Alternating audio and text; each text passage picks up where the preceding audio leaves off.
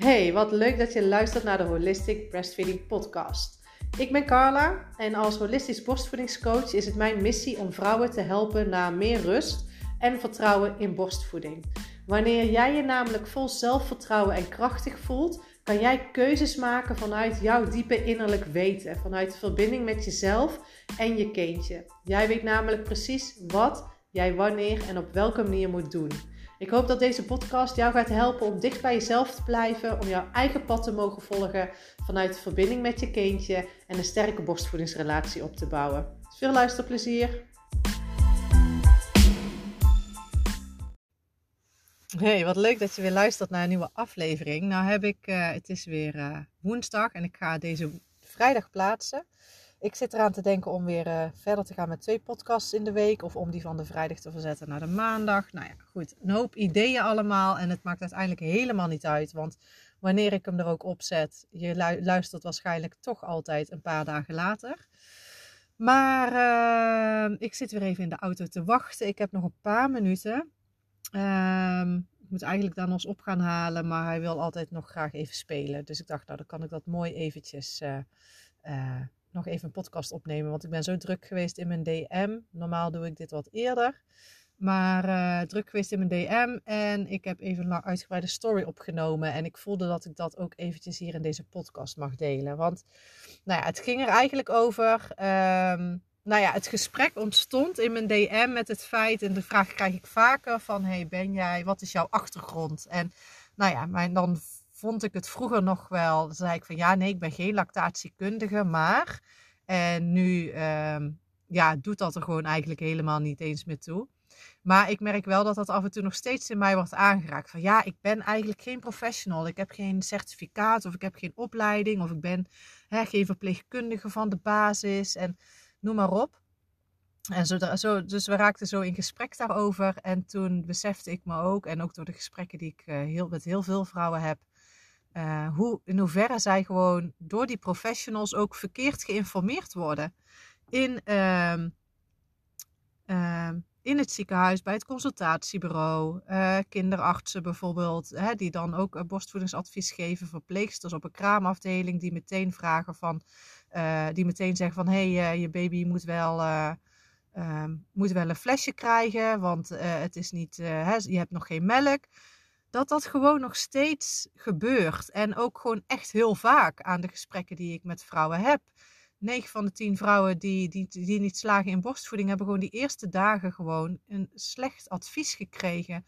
Waardoor ze zich zo onzeker zijn gaan voelen. Dat dat gewoon is doorgezet in de hele periode. En niet alleen in de borstvoeding, maar ook daarna.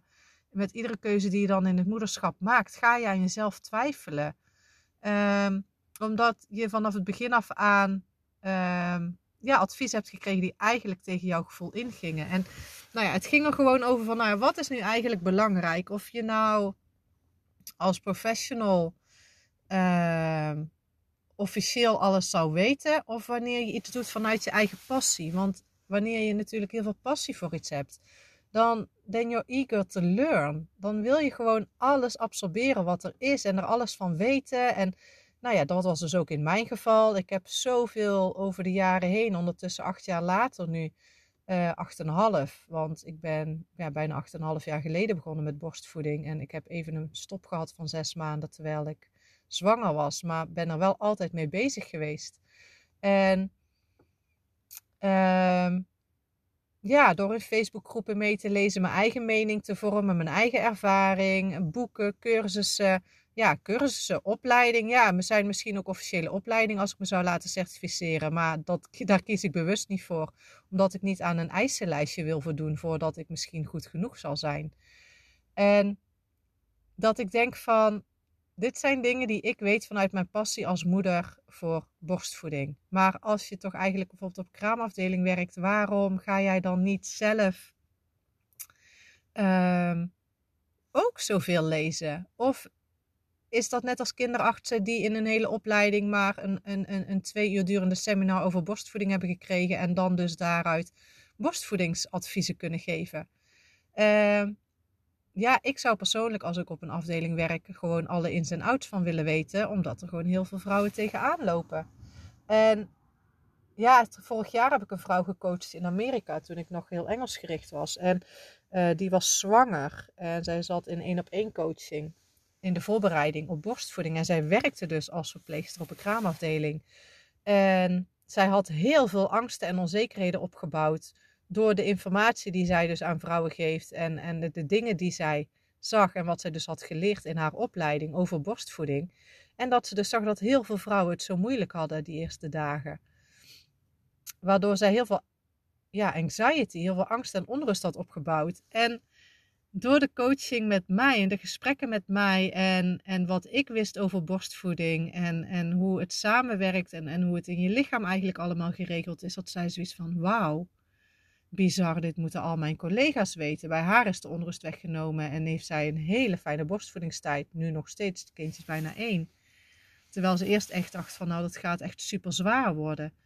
Um, dus dat was voor haarzelf, maar dat ze ook zei van jeetje, wat zijn wij eigenlijk allemaal verkeerd geïnformeerd en hoe slecht dat ik het eigenlijk zelf niet uh, verder heb onderzocht. En maar gewoon blind heb vertrouwd op wat mij toen is geleerd of is verteld. En natuurlijk is de werkdruk heel hoog, hè? zeker in ziekenhuizen, noem maar op. Maar ja, het, het is gewoon zonde dat dat gebeurt. Want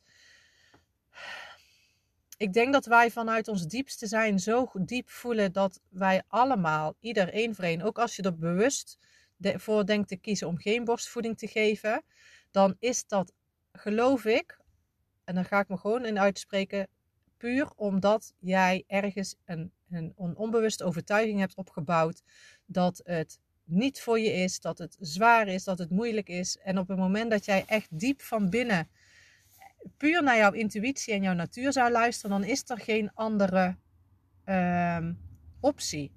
Dan is dat het enige wat we willen. Maar we kunnen soms zo enorm in.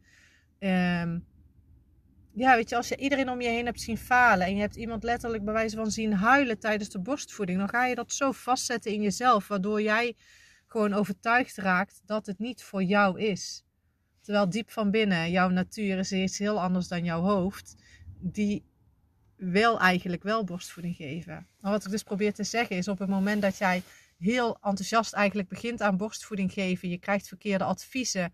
Je krijgt bijvoorbeeld als je zegt dat je één keer pijn en één keer zegt dat je pijn hebt, je krijgt meteen een tepelhoedje, waardoor uiteindelijk bijvoorbeeld een productie minder goed op gang komt. Uh, je daar weer onzeker over wordt, je daar weer een uh, verkeerd advies in krijgt, omdat je bijvoorbeeld de voedingen moet spreiden in plaats van op verzoek, noem maar op. Hè, dat je zulke dingen te horen krijgt, ja, dan, dan is dat error op error op error op error. Terwijl op het moment dat jij als vrouw en als moeder zo enorm in je eigen kracht staat, geen adviezen van buitenaf krijgt, tenzij je daar echt heel specifiek misschien om vraagt. En dan is het ook heel erg aan, geloof ik nog steeds, op welke manier iets gevraagd wordt. Want is het van, hey, hoe zie jij het en wat zou jij doen? Of is het van, hey, wat moet ik nu doen, want ik heb geen idee, dan is het natuurlijk ook weer afhankelijk van wie jou daarin adviseert en hoe die persoon het ziet. Want uiteindelijk is het jouw reis, jouw baby, jouw lichaam, jouw anatomie van jouw borst en van jouw baby, die dat samen mogen ontwikkelen. En niet van iemand anders die het op die of die of die manier heeft gedaan. Uh, dus moet je nagaan op het moment dat jij zo die kracht vanuit jezelf kan voelen en zo je natuurlijke processen durft te vertrouwen, om daar gewoon steeds in te oefenen en die samenspel, dat samenspel tussen jezelf en je baby te ontwikkelen,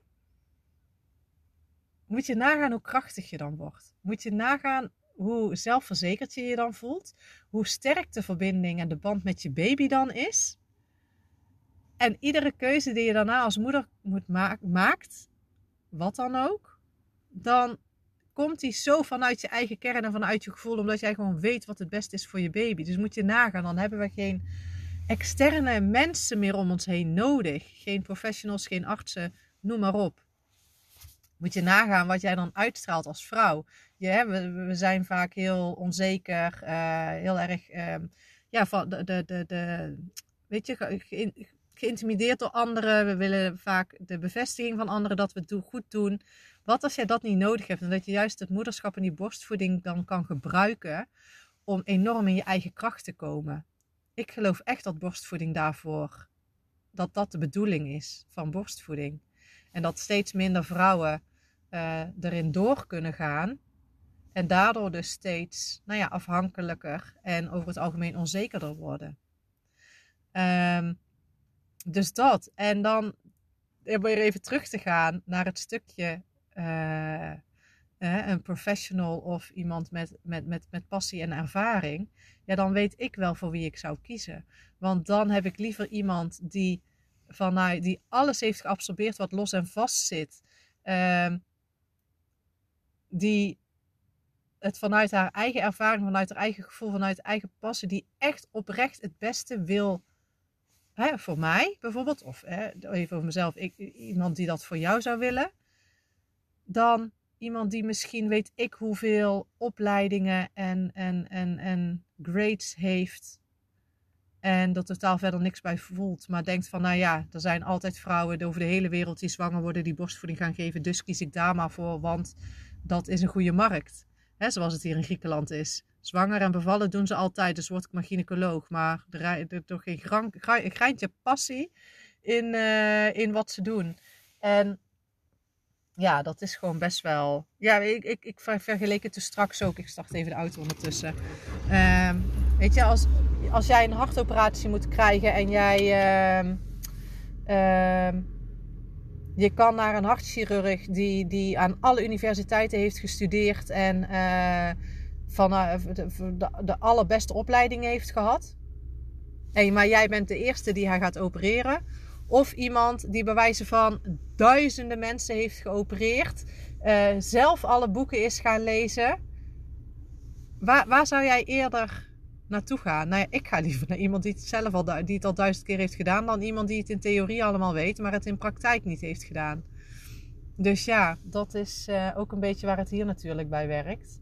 En uh, ja, eigenlijk is het gewoon een pleidooi natuurlijk voor, mij, voor mijn coaching. Want ja, ik ben geen lactatiekundige en ik word ook niet warm uh, van iemand kolfadvies geven of hoe je je productie verhoogt. Waar ik heel warm van word, is het idee, is juist de vraag erachter. Wat, hoe voel je je terwijl, je terwijl je aan het kolven bent? Welke factoren spelen er mee? Waar zit je? Waar ben je?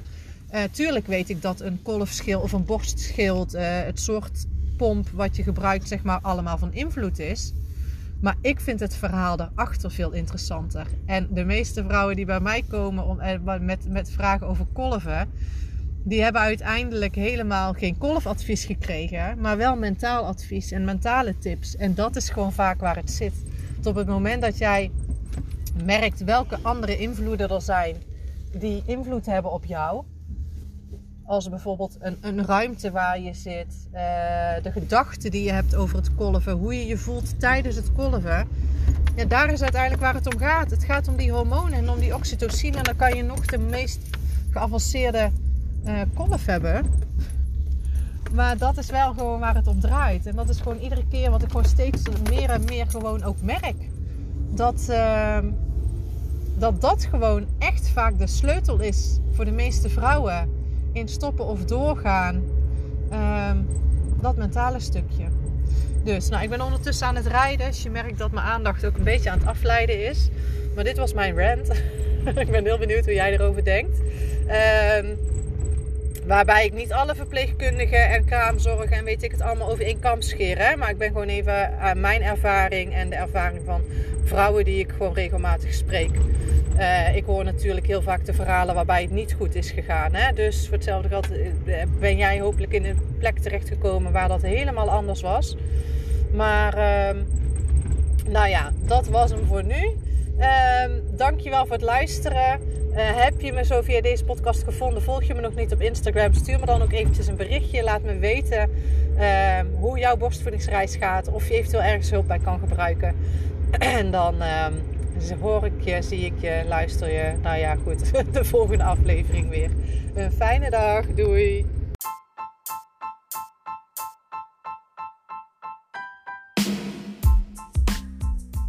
Nou, wat leuk dat je hebt geluisterd naar deze aflevering. Ik hoop dat het je heeft geïnspireerd om weer lekker dicht bij jezelf te blijven, om je eigen pad te mogen volgen. Misschien heeft het je een stapje dichter bij je eigen gevoel weer gebracht.